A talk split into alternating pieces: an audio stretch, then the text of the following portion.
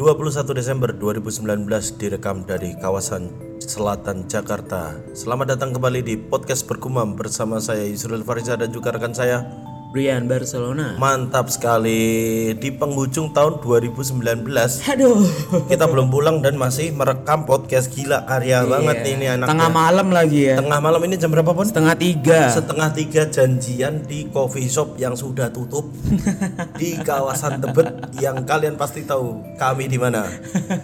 Iya betul sekali. Kopi mana lagi? Kopi mana terus? Asik, asik, asik. Ada yang berbeda kali ini. Eh, akhirnya setelah berapa episode kita punya? Kenapa? Setelah berapa episode ya ini? ya? 14, 15. Setelah 14 episode, alhamdulillah eh, podcast bergumam di episode ini sudah bisa membeli Pringles untuk cemilan. Cemilan guna apa ya? Ya buat Menemani. menemani eh, ini ya rekam-rekam. Biasanya kita nasi goreng malah. Nasi goreng, nasi goreng. Nasi goreng kelana. Nasi goreng Kelana. Ini buat yang belum tahu Kelana adalah menurut saya nasi goreng terenak selama saya berada di Jakarta. Eh kapan-kapan kita bahas ya pun. Kapan-kapan kita bahas itu Kan pun. semua nggak semua orang tahu Kelana itu apa, cuy. Nggak harus kelana, maksudnya Kuliner eh, ya? kuliner-kuliner yang masuk di Jakarta. Iya, iya, iya. Siapa tahu kita jadi ini. Biasanya orang tuh kalau bahas kuliner kan mediumnya vlog. Vlog. Ada visualnya. Ada lah. visualnya. Ini kita cerita lewat Hmm. romantisasi-romantisasi kata. jadi Rasanya ki mak es. ah, gue ngerti lah rasanya ki lender. Ya ya bisa bisa dibicarakan. bisa bisa dibicarakan ya. Nanti akan ada kita akan menjadi podcast kuliner pertama di Indonesia. Keren ya tuh podcast.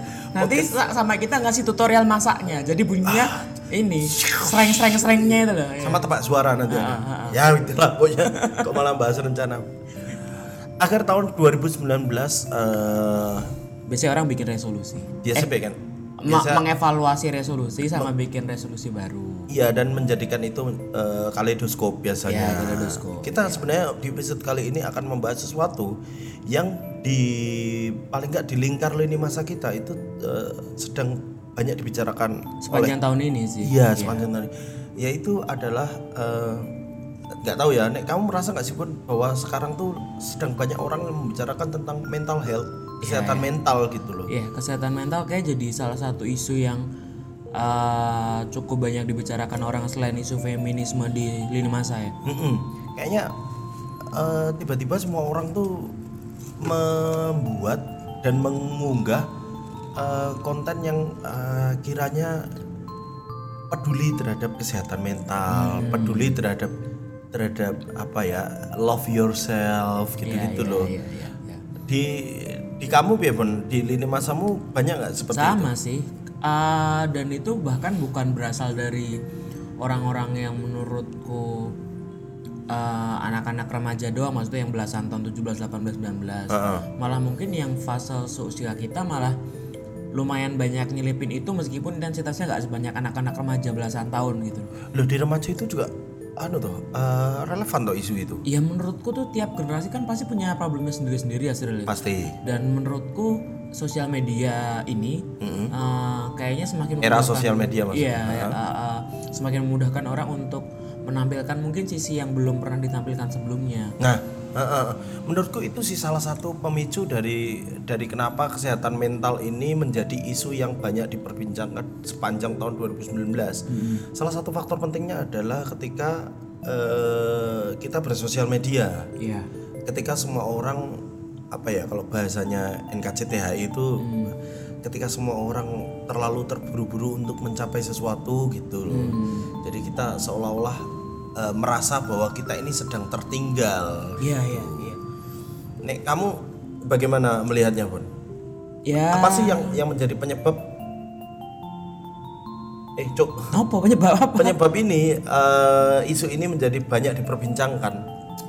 Iya kayak menurutku lebih karena akhirnya kan bagaimana sosial media eh bagaimana seseorang melakukan eh me- melihat sosial media itu kan beda-beda ya. Ada orang yang melihat sosial media sebagai medium untuk meluapkan ke kekesalan dia. Ada yang emang untuk menampilkan sisi intelektualitas dia. Oh, ada yang. Oh, iya, iya, Iya, iya. Ada yang sisi untuk uh, menaikkan karya kan banyak. Nah sekarang menurutku salah satu spektrum yang lagi sering dipakai sama Twitter adalah gitu sisi yang di mana itu bisa menjadi tempat kamu jadi kayak diary gitu loh sebenarnya Iya kan dan diary itu kan isinya bukan cuma soal hal-hal menyenangkan juga kan ada banyak hal tidak menyenangkan dalam hidup yang sebetulnya di Twitter itu bukan untuk cari solusi cuma ditumpahkan aja. Kan kita sering tuh kan ada banyak momen dalam hidup yang sebetulnya tuh kita ya mau pengen cerita nggak pengen cari solusinya aja. Nah menurutku Twitter itu relevan karena karakternya sedikit dan itu kita sekali ngetik bisa langsung naik ke platform itu. Iya betul. dan nggak perlu harus cari kayak kalau Instagram kan mungkin harus cari gambar yang merasa relevan. Kalau Twitter kan ya udah tinggal ah pusing gitu. Udah udah udah udah curhat gitu. Bahkan Firsa Besari cuma nge-tweet hoof aja yang retweet 200-an. oh, loh, aku kadang-kadang bingung gue. Iya iya. Apa sih faedahnya nge-tweet hoof? merasa terwakilkan. Tapi apa yang diwakilkan dengan hoof ya Ya, pegel wae kayaknya wong iki.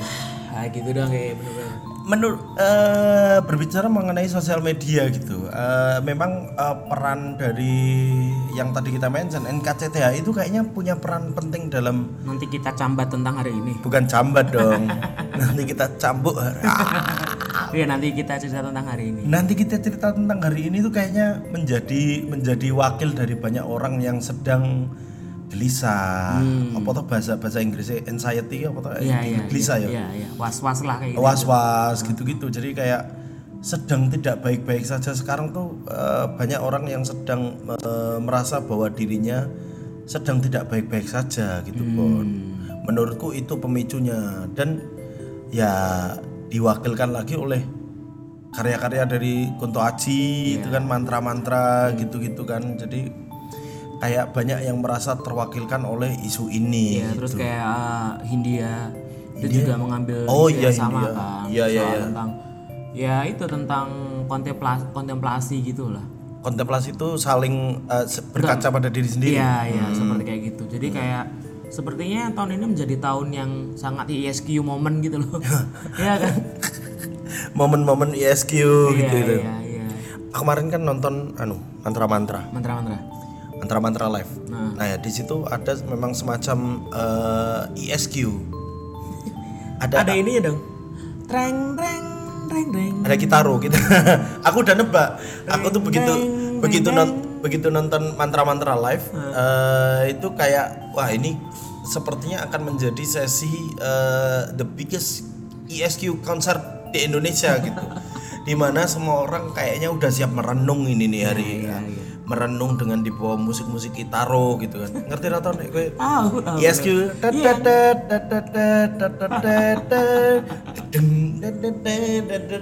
Ya memang kayak gitu, ada iya, iya. ada sesi kayak gitu. Terus uh, wasiat untuk jangan lupa untuk mencintai diri sendiri karena kita tuh sudah terlalu banyak uh, apa ya pengen membuat orang bahagia ngerti nggak maksudnya? Pengen membuat orang bahagia sampai-sampai kita itu eh, lupa bahwa ada bagian dari kita yang harus diberi bahagia juga. Iya iya iya. Terlalu sering membagikan orang lain sampai lupa membagikan diri sendiri. Mm-mm, itu itu yang itu yang menjadi isu besar dalam eh, kesehatan mental dan pasti kan orang-orang merasa terwakili dengan itu. Iya iya iya. Banyak banyak eh, pengguna-pengguna sosial media tuh yang merasa terwakili oleh eh, apa ya men- lupa bahwa ada diri sendiri yang mereka harus cintai gitu. Kakek wong sing dibahagia kayak pegel. Iya, itu loh kalau aku ngutip ngutip Danila, Danila kemarin di yang sama Danila Fernanda. bukan dong. Danilo backnya Juventus itu. Enggak Danilo. Ah, Danilo tadi yang Danila Danila waktu kemarin sama Billboard kalau nggak salah wawancara, dia bilang eh, mamahnya itu pernah bilang, mamahnya Danila bilang kalau kita naik pesawat aja kan instruksinya kita harus Menyelamatkan. menyelamatkannya dulu pakai masker kita dulu baru nyelamatin orang lain. Iya betul. Nah kadang-kadang tuh kita le- kelewat sering untuk ngasih maskernya ke orang lain dulu terus baru ingat ternyata selama ini kita udah sampai sentak-sentik ke kekurangan nafas gitu. Oh. Kayak mungkin itu sih yang yang kayaknya yang banyak disadarkan oleh eh, pegiat karya di 2019 tuh kayaknya soal itu. Kenapa ya? Kenapa ya eh, menjadi banyak diperbincangkan tuh ya selain selain sosial media tentunya. Apakah eh, ini hanya isu yang berkembang di usia kita itu satu atau isu ini hanya berkembang di pengguna sosial media dan utamanya di Jakarta pun gue ndeloknya piye? Ya mungkin kayaknya sih semua isu soal eh, isu soal kesehatan mental dan isu tentang apa namanya eh, refleksi diri dan sebagainya itu menurutku relevan di semua kelompok masyarakat sih harusnya ya harusnya Iya. karena kan kita nggak pernah tahu misalnya kita punya teman konco kuning desa oke ya pasti punya problem dengan eh punya apa namanya punya kerisauan atas problemnya sendiri kan Iya. yang mungkin beda sama orang-orang urban di Jakarta ya kan Iya. misalnya orang tuanya tani terus dia kuliah tapi dia antara bimbang antara harus menjadi petani atau tetap meneruskan studinya kayak gitu itu kan Heeh. pasti mereka punya punya Hmm. itu cuman yang membedakan mungkin cara mereka menyampaikan kegelisahannya itu. Ya kalau misalnya orang urban tuh nge-tweet di lini masa terus nge-quote ya orang dari kampung mendem cok iya cok mendem gitar yang pos Aku- aku ini uang tua aku ngono iki urip wis nang pokoknya ngomongannya wis asal narik wis. Wah, aku nih wis anu Terus kancane sik sik wis ngombe sik ngombe sik ngombe sik Ngombe sik, ngombe sik. Ora ono aku iki. Ora ono aku iki. Ah, iya iya iya iya. Iya maksudku pasti setiap setiap orang tuh banyak punya kerisauan atas problemnya sendiri-sendiri. Cuman yang membedakan ya mungkin karena kita punya kecenderungan untuk meluapkan apa pun yang kita rasakan di sosial media ya mungkin itu yang membedakan.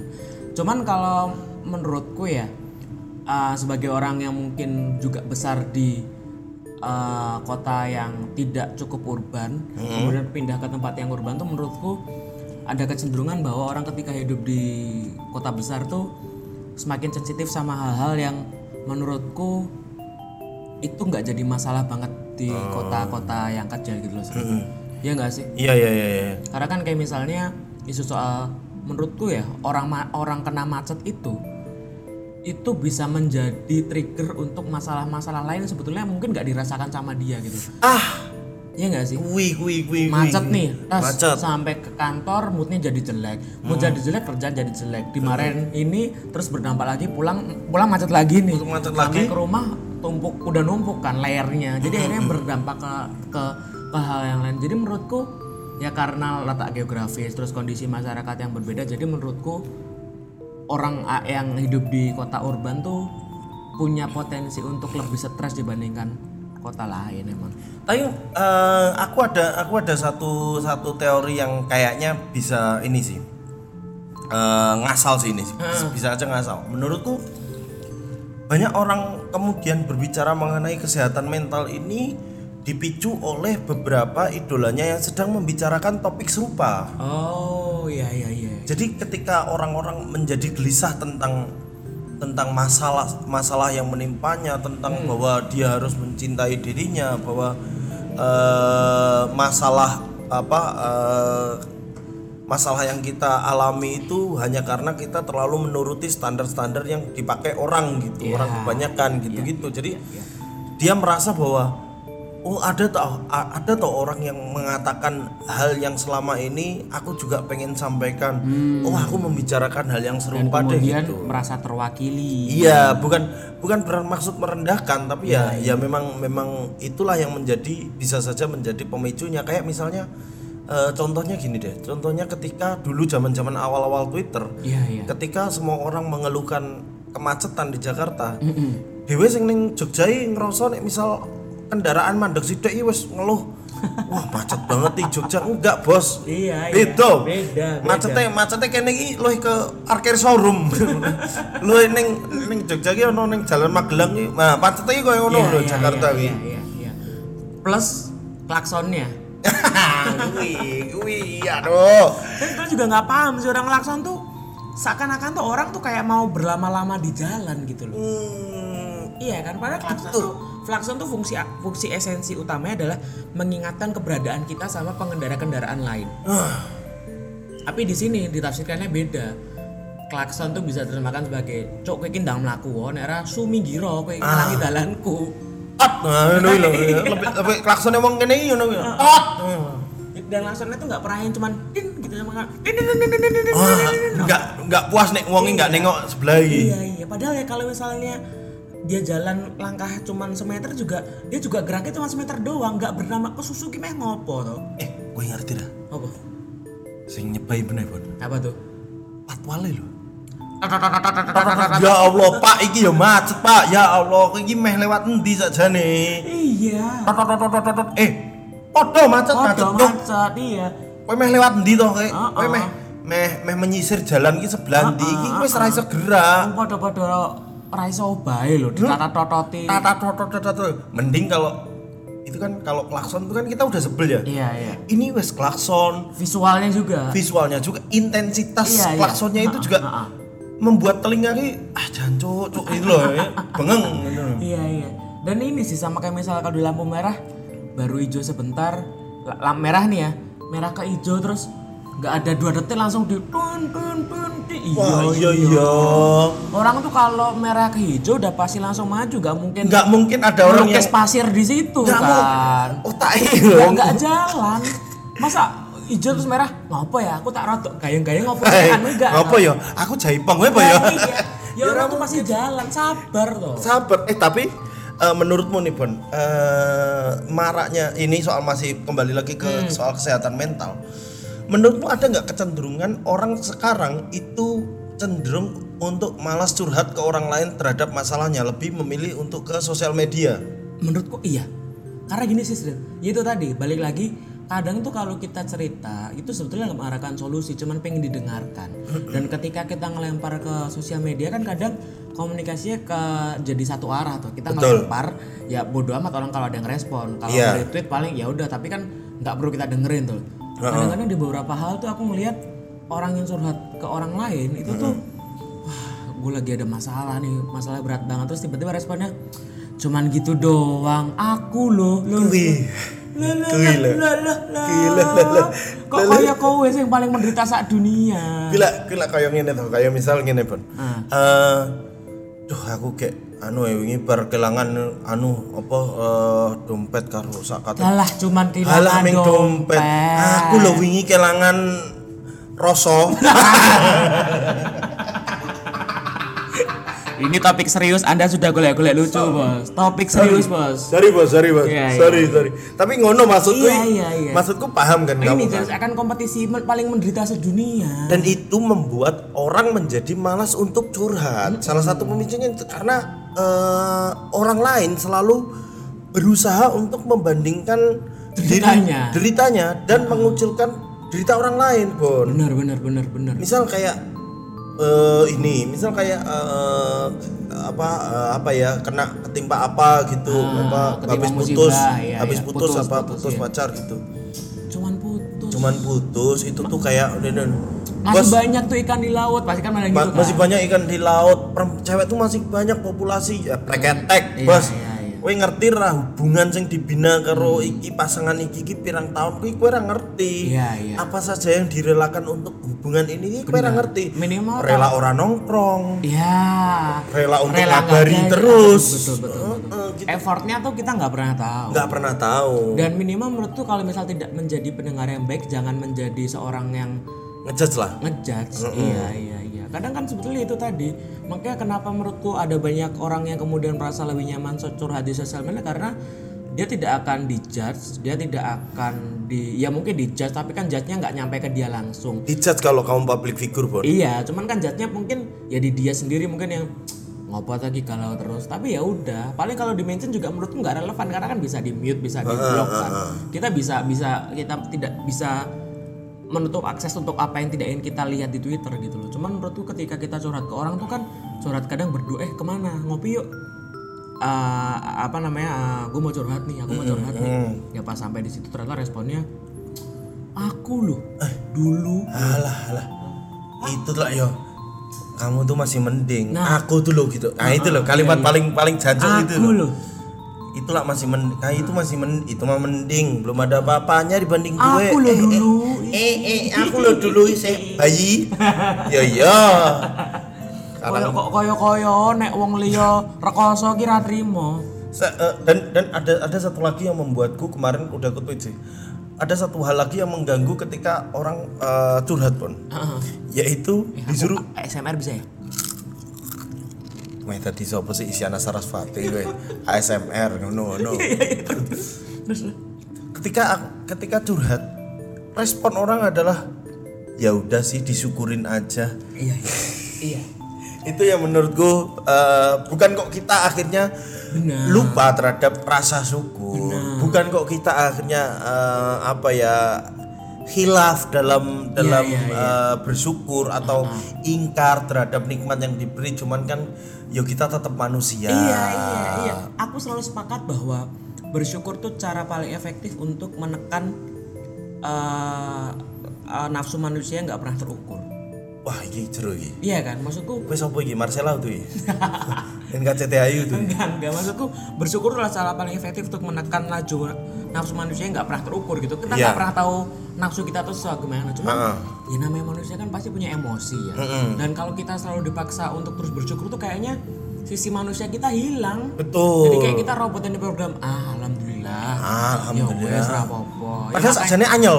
Makanya kemudian ada antitesanya dari uh, nanti kita ceritakan, ada nanti kita sambat tentang hari ini tuh, itu menurutku ya karena diawali dari itu kan. Karena, Wah udah bosan nih orang dipaksa untuk bersyukur terus makanya tadi sambat Greswold. Cuma maksudku adalah Tapi meng pengen sambat wae kan. iya iya bukan bukan berarti ketika kita sambat Greswold atau mulu itu berarti tidak mensyukuri Bersyukur hidup iya kan. tidak, tidak beda beda. Menurutku Iya, iya. ya sambat itu termasuk hal yang manusiawi. Iya ya, karena itu sekali lagi tuh kita tuh kadang nggak pernah tahu apa alasan orang akhirnya bisa mengeluarkan respon seperti itu gitu loh. Betul, betul, Iya kan? betul. Yang kayak kamu pernah cerita yang soal tetanggamu yang apa sih yang naik haji apa eh umroh itu loh, Umroh? yang ditinggal apa apa itu loh. Oh, iya iya iya iya iya. Ah. Gila itu kan. Heeh. Kan orang pada alah mau ditinggal umroh cuman berapa hari itu berapa minggu entah lalu balik lagi cuman kan orang nggak pernah tahu ketika ditinggal orang keluarganya dalam waktu berapa lama Berapa lama, meskipun itu umroh ibadah itu kan mungkin menjadi sesuatu yang berat bagi dia. Kok bisa bisanya ada orang yang respon mau ditinggal umroh yang nanti koyo ngono. Ya kan Oh, Sama ngerti, sama ngerti umroh tapi ninggal omahe urung selesai dibangun mungkin renov lagi renov ngono kan misal. Bisa. Misal misal. Misal wae misal. Wae. apa sih yang nggak bisa di dunia ini?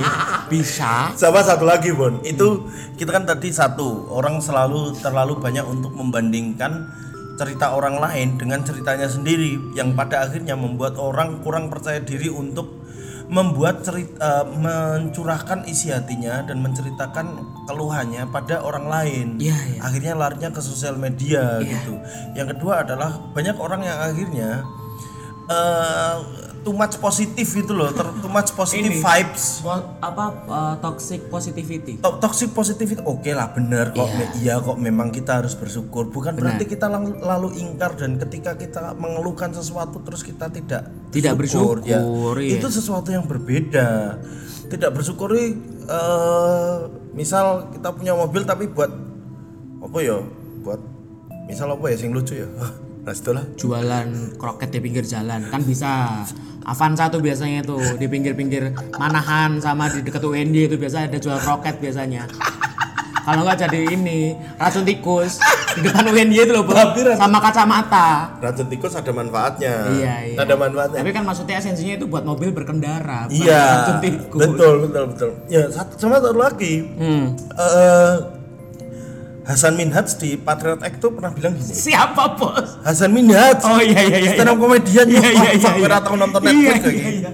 Hasan Minhaj Heeh. Kowe anggapanmu aku ini asal-asalan nyebut jeneng ngono to terakhir ada nyebut Oh, hari. yang ada sebut adalah pencipta kamus bahasa Inggris Indonesia John M. Ecole Iya tapi kan nggak penting untuk riset kita. Apa relevansinya orang Kowe ciptain kamus? Kowe ngerti kamus bahasa Inggris yang warna-warni biru Tahu. wis pengarangnya jenenge Ya John, tapi untuk urusan relevansinya sama podcast kita apa? John M. Ecole ben iki arek bergumam iki ngerti Ya ya ya ya udah lanjut. John M. Ecole kuwi Kamus. kamus Ya, terus, penulis terus. kamus Terus terus yuk yuk yuk. Hasan Minhaj tuh pernah bilang begini bahwa isu mental health, isu Hmm. kesehatan mental itu sebenarnya tidak relevan di Asia. Saya tahu ini akan larinya kontroversial tapi Oh dia dia udah pakai disclaimer gitu dulu. di- di- enggak aku aku pakai disclaimer ini karena kita ti- tidak akan berani membahas isu ini lebih, Iya iya. lebih iya. lanjut. Iya. eh, Hasan Minhaj Hasan Minhaj bilang gini isu kesehatan mental di Asia itu bukan isu yang relevan kenapa karena orang Asia itu basicnya adalah orang yang taat beragama jadi ketika orang curhat aku sedang gelisah gini gini gini sholat.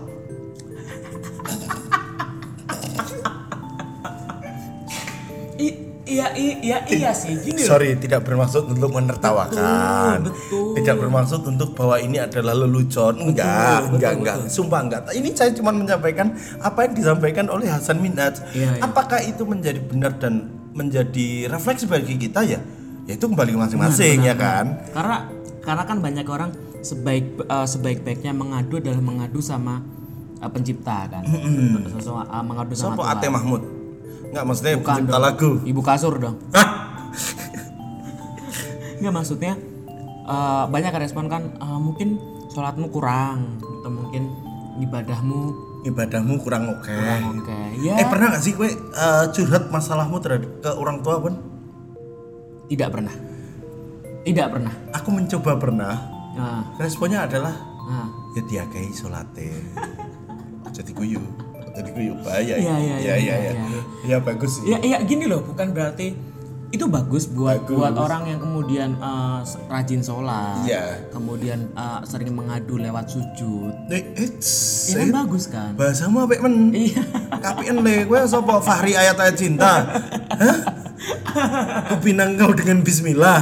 Aku pinang kau dengan ranti pinang ranti Astaga Ini aku ndelok status Facebook kancaku apa? Aku lepas kau dengan Bismillah. Ish, Enak banget. Melepas kau dengan Bismillah. Enak banget gawe patah hati anak wong nganggo nama-nama Tuhan.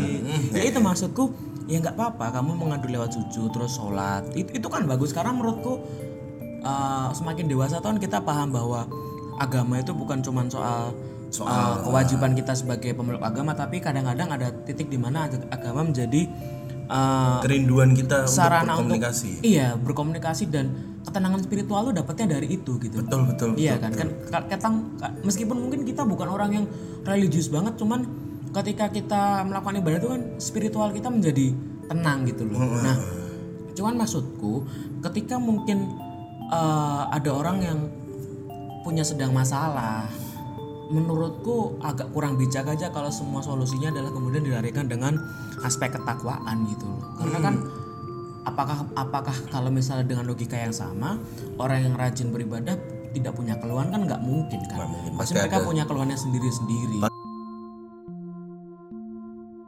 daripada cuma Itu bahasanya daripada cuman dilarikan ke arah religiusitas menurutku coba dengarkan dulu kamu sebagai manusia. Kasih saran sebagai sesama manusia semisal sudah mentok ya itu lari larilah untuk mengadu kepada Sang pencipta. Iya yang derajatnya lebih tinggi dari manusia. Betul, saya setuju sih itu sih. Tapi menurutku itu isu itu isu yang cukup menjadi refleksi aja, maksudnya bukan bukan kok lalu itu menjadi sebab kemudian akibatnya kayak gitu gitu. Iya, iya, Jadi, eh, Cuman ya menjadi refleksi kita aja bahwa ketika ada teman eh, atau siapa pun yang sedang mengeluhkan masalahnya, minimal kita mendengarkan dan dan tidak menjadi orang yang eh, apa ya? Iya. orang yang menyebalkan lah orang menyebalkan tuh ya gimana ya itu tadi respon-respon Iya respon-respon kayak gitu loh yang dan yang akhirnya membuat kita itu merasa bahwa eh, ini jadi kompetisi paling kompetisi menderita iya sedunia tingkat-tingkat depresinya masyarakat orang-orang zaman sekarang tuh Iya. menjadi semakin naik dan semakin naik. Dan mungkin mungkin kita bukan bukan pakar psikolog ya Iya, kita berdua bukan tidak tidak mengambil konsentrasi kuliah di bidang itu. Dan bahkan banyak orang yang bilang kan larilah ke psikiater nih apa namanya Iya. kalau kalau ngerasa punya masalah kesehatan mental. Aku setuju dan sekarang kan banyak awareness soal itu kan. Coba Betul. psikiater dong psikiater yang murah ada di mana? Kan sekarang udah banyak yang ngomongin itu. Ada yang nge-share juga Iya kan? iya. Dan menurutku tindakan preventif kita yang paling gampang sebagai seorang bukan seorang ahli selain menyarankan orang untuk kalau ngerasa kayaknya aku punya uh, apa namanya gangguan mental yang bukan berarti diterjemahkan sebagai gila ya kan? Banyak orang yang dulu nganggapnya itu kan. Selain ke psikiater selain menyarankan untuk datang ke ahlinya ya menurutku kalau misalnya memang kita sebagai teman dan sebagai sesama manusia tindakan preventif paling gampang ya itu tadi. Mendengarkan aja. mendengarkan aja Ah, udah. cukup cukup menjadi pendengar yang baik. Iya. jangan maksudnya memang eh, kecenderungan terbesar adalah ketika kita bersosial media atau ketika kita bergaul itu kita pengen merasa dianggap lebih dari orang lain.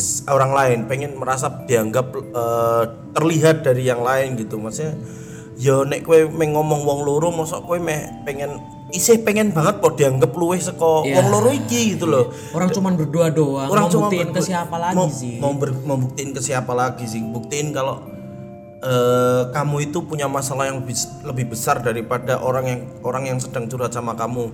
Bukan seperti itu. Iya, bukan lantas mengkerdilkan dan dan mengucilkan masalah orang lain. Aku aku tahu mungkin maksudnya adalah bahwa kamu tuh tegar kamu kuat. ya kamu tuh harus harus lebih kuat karena aku punya masalah yang sebenarnya lebih berat dari kamu. Oh, tapi tapi aku ya buktinya baik-baik aja sekarang. itu baik-baik aja. Tapi ya, ya perlu diingat bahwa seperti kata Dewi Lestari itu perbandingan nggak akan bawa kita ke mana-mana. Wis. maksudnya nek kowe banding-banding kita terus ora pegel bos. Iya, ngono kuwi lho. urip kok isine mau bandingnya karo wong liya. Nah, akhirnya yo ya pegel bos nek kowe banding terus. Dan menurutku gini salah satu uh, trigger yang paling uh, sering aku temui untuk memantik keparnoan dan kewaswasan anak muda sekarang itu sosial media. Sosial media bisa menjadi alternatif kita untuk menyampaikan kegelisahan. Betul. Tapi di satu sisi juga punya uh, aspek tertentu yang bisa membuat kita juga punya kegelisahan baru akhirnya. Betul betul betul. Dan menurutku ketika kita ngelihat internet terus kita jadi was-was dan parno dengan pencapaian yang belum kita punya atau kok ngelihat orang kayaknya udah sampai di situ ya orang aku masih di sini ya. Iya orang udah nikah aku sekarang masih gini-gini aja. Orang udah gendong anak sekarang kita masih gini-gini aja. Karir udah bagus kita masih gini. Cuman ya menurutku coba tutup sebentar internetmu layar ponselmu itu ditutup ngobrol sama temanmu ingat-ingat pencapaian yang udah kamu punya tuh apa gitu. Karena sering ketika kita ngelihat pencapaian orang lain tuh kita lupa sama apa yang pernah kita capai selama ini gitu loh. Mm-mm. banyak orang yang terlalu fokus ke depan sehingga dia eh, lupa bahwa sudah sejauh mana dia melangkah. Iya. Akhirnya dia lupa. Sesimpel kayak misalnya eh, dulu dia adalah orang yang bahkan untuk jajan ini ini kalau ngomong dari finansial misalnya jajan 100.000 ribu tuh kayak mikir banget sekarang alhamdulillah sudah bisa jajan dengan nominal lebih dari itu itu kan atau sekat misal 101 Dalam artian, dalam artian. lebih dong lebih dong Iya. Nah, maksudku itu kan sudah ngopo. pencapaian Hah? Sewune gue ngopo. Karena mau lucu nih. Karena mau responnya tak skip saya ya kon esa mau lucunya tak Iya iya iya. Oke oke oke. maksudku meskipun cuma kayak gitu, cuman kan kamu udah bikin pencapaian. Kamu tidak mungkin menjadi orang yang sama dengan oh, kamu beberapa tahun yang lalu gitu loh. Jadi ya tutup layar ponselmu sebentar, ngobrol sama orang, ingat-ingat lagi kamu tuh udah sampai apa, sampai segimana ber- melangkah gitu. Jangan hanya karena kamu ngelihat orang lain jadi lebih maju, kamu lupa bahwa kamu juga udah punya pencapaian. Betul betul betul. Karena orang tuh eh ya seperti aku bilang tadi, ketika kita terlalu fokus sama hal yang menjadi tujuan atau menja- berada di depan kita, kita lalu lupa bahwa se- sudah sejauh mana kita melangkah dan berjalan ini dan tentunya sudah mencapai apa yang kita apa yang mengantarkan kita sampai di titik sekarang tuh Betul. ya orang jadinya lupa Benar benar benar. Eh, seperti pada lagunya Maino Winner tuh aku selalu dengerin Wis, iya. Winner eh, dia punya punya ini eh punya lagu judulnya Fear itu eh, apa ya liriknya pokoknya liriknya bagus banget tentang rasa takut dia bahwa ketika Winner tuh yang kemarin ke sini bukan sih? besok ke sini Oh besok sih. Oh iya mau besok ke sini. malam Iya, minggu iya, iya, iya. iya.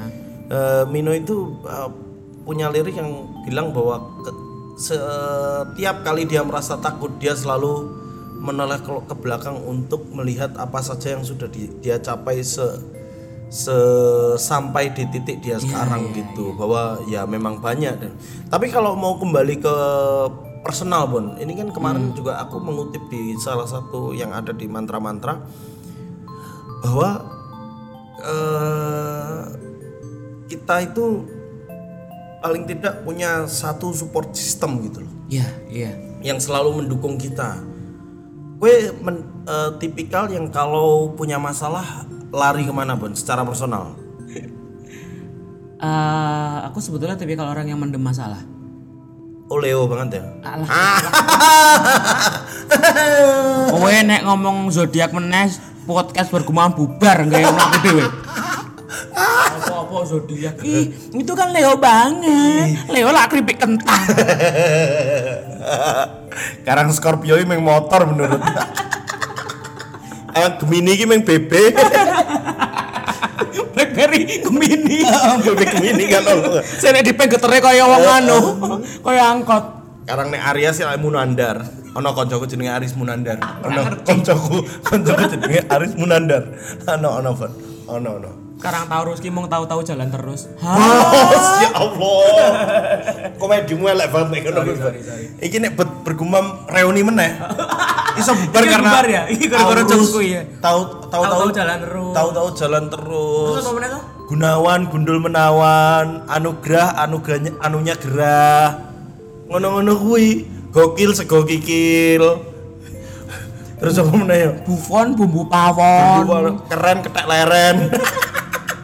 Bekam bebek kampung. Coklat cowok klaten. Bergumam, bergumam bisa bubar gara-gara ya. Bimoli bibir monyong 5 cm. sorry sorry sorry rong menitmu sia-sia kok ini mau kondo? Modal konsisten doang Bagus. itu itu prinsip yang patut diterapkan di era sosial media sekarang mau kondo aja Iya, modal konsisten dong podcast bergumam apa ada duitnya Gak ada. ya ini pringles ini bisa ini Iya, aja iya. patungan loh ini Iya iya iya iya iya. Jadi ini sih Sril, kalau tadi kalau kamu kamu juga lagu ya.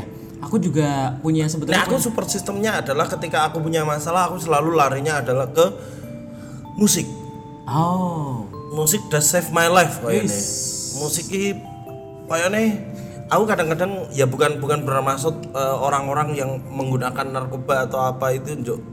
Ngopo toh aku yang gunakan narkoba bukan gitu tapi eh, ada peralihan lain ketika setiap kali ada masalah lagi aku lebih mem- mem- memprioritaskan untuk duduk tenang, leha-leha ngono kuwi, mateni lampu kamar. Aku pernah eh, ketika waktu itu tahun 2015 sih bukan bukan dapat masalah tapi merasa lebih tenang dengan musik loh. Pas eh, setelah membuka shownya Rule of Three waktu Zawin, David sama Abdur Nah. kan ya lumayan mendapat respon dan kayaknya itu adalah tawa terbanyakku pertama kali dalam karir aku stand up ngono kuwi. Ulang itu dengan rasa bangga dengan rasa seneng seseneng itu ngono loh. Seseneng seseneng ketika mendapat apresiasi besar ngono. Iya iya. Sampai kamar tuh aku matiin lampu, nyalain komputer, dengerin lagu Arctic Monkeys yang itu number one party anthem. Wow, itu rasanya Oh, dan aku menang di iki ngono kuwi lho. Itu kayak kayak ada luapan wah aku lega banget itu. Benar benar. Kalau aku ini sih beberapa setahun belakangan Eh, kalau kamu dengerin di Adams tuh kan dia punya lagu baru namanya Timur itu kan di Actor Plus itu kan. Ini tuh lirik bagian ini tuh kayak menguatkan menguatkan aku banget dan merasa bahwa ini ya sebetulnya eh, kemudian kan orang menjadi merasa relevan karena sebenarnya digadok-gadoknya juga kan. Cuma menurutku lirik yang bagus tuh apalagi lirik berbahasa Indonesia ya. Itu tuh punya efek yang menurutku kuat gitu loh Lebih, buat lebih, pendengarnya lebih, ya, ya, ya, karena betul, merasa bahwa ya mungkin itu mengingatkan terus bahwa ora lo, ora lo, ora lo. Eh, apa Karena liriknya? liriknya seperti ini. Dan di dan di hariku yang paling gelap, semoga aku akan mengingat bahwa ini sementara dan akan segera pergi dengan cepat. Jadi kayak di hariku yang paling gelap, aku tuh ingat bahwa iki kabeh mung sementara, akan segera pergi dengan cepat. Jadi kayak ora-ora masalahmu iki Gor, it's just a bad day, not a bad life. Ya cuman hari yang jelek aja, nggak sampai kehidupanmu tuh bakal jelek selamanya gitu. Oh, apa, Dan akan segera pergi dengan cepat tuh kayak ya wes iso iso iya iya iya. Ini ini semua juga akan akan pergi kok Aku gitu. kayak sebulan yang sebulan yang lalu lah. Aku ada satu ada satu problem di mana aku bu- Cinta. Bukan, aku bukan. meng aku meng nyebut wae kok tiba-tiba meripatmu wis anu ya bukan lanjut bukan maksudnya lebih ke ada satu problem eh, yang di mana aku pengen banget didengar sama orang pada waktu itu. Mhm. dan aku sampai rumahnya mood kelek banget. Aku pengen banget didengar orang sama waktu itu. Dan aku eh, kemudian ngubungi orang dan kemudian salah sa- orang itu emang dilalah kayaknya lagi nggak bisa buat mendengarkan. Padahal sebetulnya cuman aku pengen didengerin toh karena waktu itu problemku lagi aku ki mau pengen pengen ngerungok masalahku. Dan betul orang yang ini nggak bisa ngedengerin terus jadi kayak ada kali seminggu aku bad moodku tuh jelek cuman gara-gara itu doang padahal masalahnya sebetulnya menurutku ya mungkin mendengarkan problem orang lain orang lain tuh bisa menyelamatkan orang itu dari bukan depresi sih apa ya fase fase yang lebih buruk dibandingkan Ah. kalau misalnya dia ngedengerin eh, dia mau ngedengerin problemnya dia gitu Hmm, hmm. jadi ya menurutku mendengarkan itu mungkin nggak akan jadi solusi, cuman mencegah untuk masalah yang menjadi lebih buruk gitu loh. Jadi ya itu pas aku nggak didengerin tuh nggak bisa didengerin tuh rasanya kayak meh ngopo. Jadi kok nang kamar yang lo kabeh kabeh. Semua orang tak nesoni terus moodku jelek banget lah jadi selama seminggu ke depan. Jadi akhirnya ya udah. Kemudian dengerin lagu ini ngerasa kayak ya emang emang menurutku ini ini akhirnya jadi baik-baik aja. Toh sebetulnya akhirnya fase itu terlewati dan ketika udah sampai di sini tuh kayak jebuli guruno tok yang bian ya ternyata setelah dilewati ya biar baik-baik aja Eh, apa ya aku mau ngomong apa ya mau ya? Ah janji lali aku. Ya itulah pokoknya. Ya aku pun eh, kemarin-kemarin juga kan ya sudah sering menuliskan bahwa apa ya mantra-mantra itu album mantra-mantra ini adalah album yang eh, cukup banyak kuunggah kutipannya di eh, caption sosial mediaku Instagram terutama. Karena ya Iya cukupkanlah itu. Pokoknya hampir-hampir semuanya lah. Eh, menurutku ya ini ini satu lagu yang liriknya bisa bisa menjadikan mantra. Ini bukan kok eh, terus aku menganggap bahwa semua orang akan suka ini. Ya kalau kamu menganggap bahwa album ini biasa aja ya menurutku eh, tidak akan kupaksa. Karena ya yang akan aku sarankan adalah ketika nanti kamu merasa gundah dan tidak punya tempat untuk bercerita cobalah dengerin gitu. Mungkin mungkin tidak akan menyelesaikan tapi paling tidak eh, semoga saja bisa meringankan gitu. Iya, iya, dan apa ya nek aku punya punya satu eh, teori gini Bang. punya satu apa ya punya satu cara begini. Ketika kita punya masalah terus kita seolah eh, menyemangati teman yang sedang sedang berkeluh kesah di sosial media gitu. Itu nan nek di aku akan terasa lebih punya punya impact yang lebih Terasa gitu lah iya gitu ya. ya kayak semangat ya gitu-gitu loh. Orang aku lagi loh, Hmm. Iya, maksudnya iya, lanang ya iya. Oh lagi kerja ya semangat ini ini ini ini itu menurutku akan akan menjadi ajang kontemplasi gitu loh. Ah. Ajang untuk refleksi diriku sendiri bahwa ah kabeh wong ki duwe masalah kok ora meng Ah. ora meng aku gitu. Bukan kok terus mengkerdilkan masalahku tapi ya ya kita kam, percayalah bahwa kamu kalau sedang punya masalah itu sedang tidak sendirian. Hmm.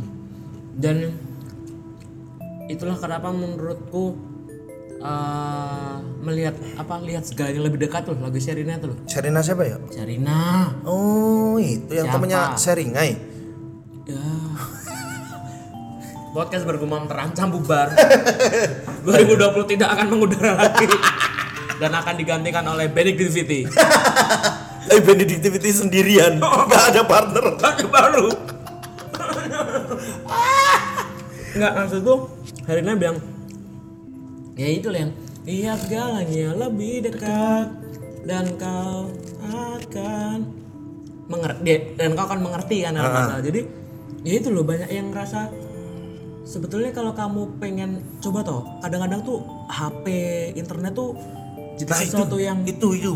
jadi sesuatu yang kok saya tuh coba Bo, matiin sebentar aja nggak nonton storynya orang. Ah itu dia. Aku yang aku yang bisa saya sarankan untuk teman-teman yang sedang kalau misal kalau misal kalian sedang gundah dan dan sedang banyak eh, apa ya sedang banyak Problematika. ke- kegelisahan yang pengen diceritakan kok tapi tidak bisa cobalah untuk berhenti ini ini ini saran aja ya Iya, iya. cobalah untuk tidak eh, sliding, tidak apa ya, tidak nge-slide instastory gitu. iya iya iya Bukan kok kamu terus nggak nggak tahu dan nggak peduli mencoba tidak peduli terhadap temanmu, tapi yo eh, kadang-kadang ada batasan yang harusnya kita sendiri yang tahu bahwa cukup kisah mene wae Iya, gitu loh. kadang-kadang uh, aku juga cuman ngepost story doang tapi nggak ngeliatin story orang sama sekali dan itu mungkin ada beberapa orang yang Lagi uh, update ke tapi nggak ngeliat storyku. Ya, Sebetulnya bukan masalah itu ya, cuman aku ngerasa bahwa aku cuman bagi cerita aja tanpa aku perlu ngerti cerita dari orang lain. Dan itu menurutku tidak berarti kita memutus hubungan, dengan orang lain kan. Itu Iya. kan ah, ya nggak nggak ada relevansinya. Iya, Karena iya. menurutku ketika kita buka story orang lain itu kan ada cuplikan kecil tentang kehidupan mereka yang mungkin Bisa membuat kita buat eh, kita memicu. punya tafsiran yang berbeda. Iya, iya, iya. Mereka lagi seneng-seneng apa terus ya dia mereka seneng. Cuman Iya. kita kita mungkin terjemahinnya aduh enak ya mereka seneng-seneng sementara aku lagi sedih. Nah, kadang takutnya memicu untuk punya respon yang membuat kamu merasa bahwa kamu sedang menderita. Ya, ini sih tidak bisa tidak kita tidak mencoba untuk memukul rata bahwa ketika eh, semua orang ketika lihat storynya orang lain akan menjadi masalah, tapi ya Iya, iya, iya. ya kalau Preventif lah. Ya, preventif dan kalau misalnya cukupnya segitu ya udah cukup Iya, ya, iya, cukup kayak gitu loh. Iya. Eh, nek dari aku kesimpulannya adalah begini Bon, ketika eh, ya maksudnya kita pun tidak akan menjadi anti terhadap eh, terhadap apa ya terhadap kehidupannya orang lain gitu loh. betul, betul. Tapi ya ya kita cukup cukup menjadi manusia seutuhnya yang yang tahu cukup dan batasan kita sendiri itu ya kita gitu loh. Ketika wes happy sakmono ya wes gitu. Ketika wes bencine sakmono ya wes. Ketika pengen gersulone sakmono ya wes gitu loh. Jangan kok lalu mengkotak-kotakan diri kita dengan standar-standar sing sakjane awak dhewe pengen gitu. Misal kayak ngepost story teman ya yang yang aku bilang kasusnya John Mayer itu. Iya, iya, iya. Eh kok John Mayer sih? Iya, bener, Ya, John John Mayer Mayer. itu Yang bahwa Harry Style, Harry Style, ya. dia punya teman Harry Style tapi dia tidak pernah bermaksud eh, tidak pernah berniat untuk mengunggah foto bersama Harry Style karena takutnya eh, orang akan menjadi eh, apa ya ah ini ngapain sih? Ini sok deket banget sama si ini sok ini sok. maksudnya ya kayak gitu kalau kita mau ngepost ya ngepost aja gitu loh, tanpa tanpa ada maksud lain. Selama itu membuat kita bahagia ya masa eh, nek dari aku ya masa hal yang membahagiakan buatmu mau sih dibatas-batasi orang lain gitu. Iya, iya. nek ngrungokke K-pop kowe merasa happy ya wes K-pop gitu loh. Betul. aja wedi diarani wah ngrungokke K-pop sering belanja Shopee po misal apa Tokped po misal Shopee, Misal. Shopee, Shopee. Shopee Shopee, bener, bener. wah wah wah wah ah. Tokped sekarang Tokopedia, Tokopedia. Tokopedia saja eh ini disebut-sebut ya Bajila Tokopedia tolong bayar ya enggak sih Shopee sih. Kayak kalau K-popers lebih banyak beli Shopee. serius, serius, serius. Ini pengalaman personal. ya ya itu maksudnya eh eh, tetaplah menjadi manusia yang tahu kadar dan batasannya sendiri masing-masing aja. Kita kita juga aku rasa kita sudah cukup dewasa kok untuk menakar diri kita itu eh, seberapa ininya seberapa takarannya kita sendiri gitu loh. Nah aku begitu. Dan pokoknya jangan pernah merasa paling. Betul. Oh, itu itu yang itu yang ini sih. Jangan pernah merasa orang paling bahagia sedunia, jangan pernah merasa orang yang paling menderita sedunia, jangan merasa orang yang paling paling sendiri sedunia. ya apa cuma gue yang ini? Enggak enggak bos. Iya, karena itu loh yang di video klipnya Kuto Aji yang dia percaya bahwa eh, apa eh, yang ceweknya bilang ada loh orang yang sayang sama sama kamu. terus dia bilang enggak gue nggak percaya. Sampai akhirnya ngelihat langsung ada yang orang yang emang sayang sama dia. Jadi maksudku eh, jangan pernah merasa bahwa hanya karena kamu sedang eh, sedang dalam keadaan yang tidak baik kamu merasa semua orang juga punya persepsi tidak baik terhadap kamu. Betul itu, itu, dia, kayak itu dia. kayak awan negativity yang kamu ciptakan sendiri gitu loh. Ketika Iya. kita lagi bad mood kita lagi apa namanya lagi semeruweng ya itu tuh pasti kita semua mikirnya jelek kan uangnya orang sing peduli karo aku orang itu nggak ada yang sayang sama aku. Padahal nggak mungkin kamu di luar dunia sebanyak banyaknya kamu punya haters sebanyak banyaknya kamu punya musuh tuh ada pasti orang yang bakal ngerasa kalau kamu sedih itu dan dia akan jauh lebih sedih gitu. Hmm, ya itu tadi makanya lihat segalanya lebih dekat. Asik. Coba matiin layar HP-mu sesekali. Ah, ah. terus ingat-ingat apa yang pernah kamu capai dan ingat siapa yang kamu punya. Iya iya iya. Itu itu yang itu yang bisa kita sarankan untuk ya kita juga manusia yang punya rasa keluh keluh kesah. Asal tuh ya nggak apa-apa ngeluh tuh ya nggak apa-apa. Wes stop eh, biasa wae gitu. Ngeluh pada takarannya aja gitu. Oh, prinsip hidup saya tuh pokoknya saya berulang kali ngomong sak madione itu menurut saya udah sama paling dione wes wes sak paling madione guys bener. Apa bahasa Indonesia? Secukupnya. secukupnya. Secukupnya? Ah. Siapa itu? Siapa Gak dengerin India parah kamu. India ada lagunya Secukupnya lagunya India ada. Ya saya dengerin kok India. Saya juga enggak sih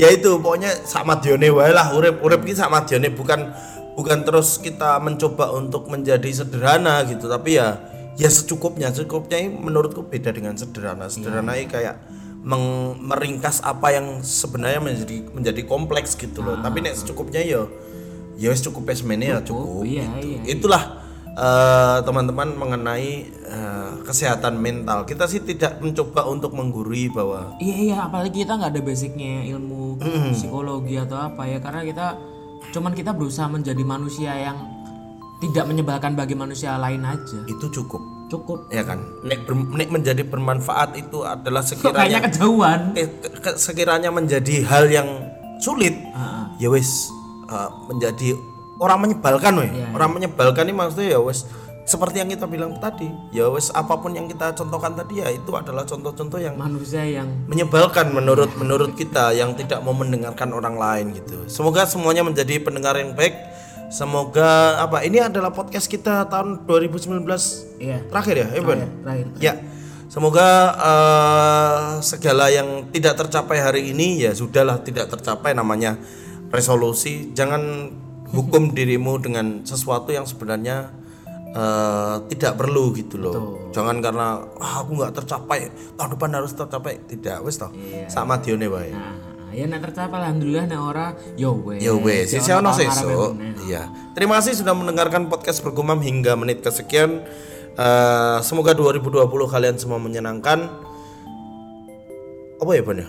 ya udah itu aja Ya udah, jangan itu lupa minum air putih biasanya gitu biasanya gitu Nasihatmu kayak nasihati wong lagi diabetes.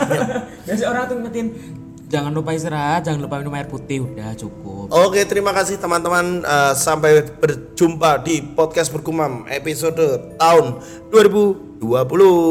ciao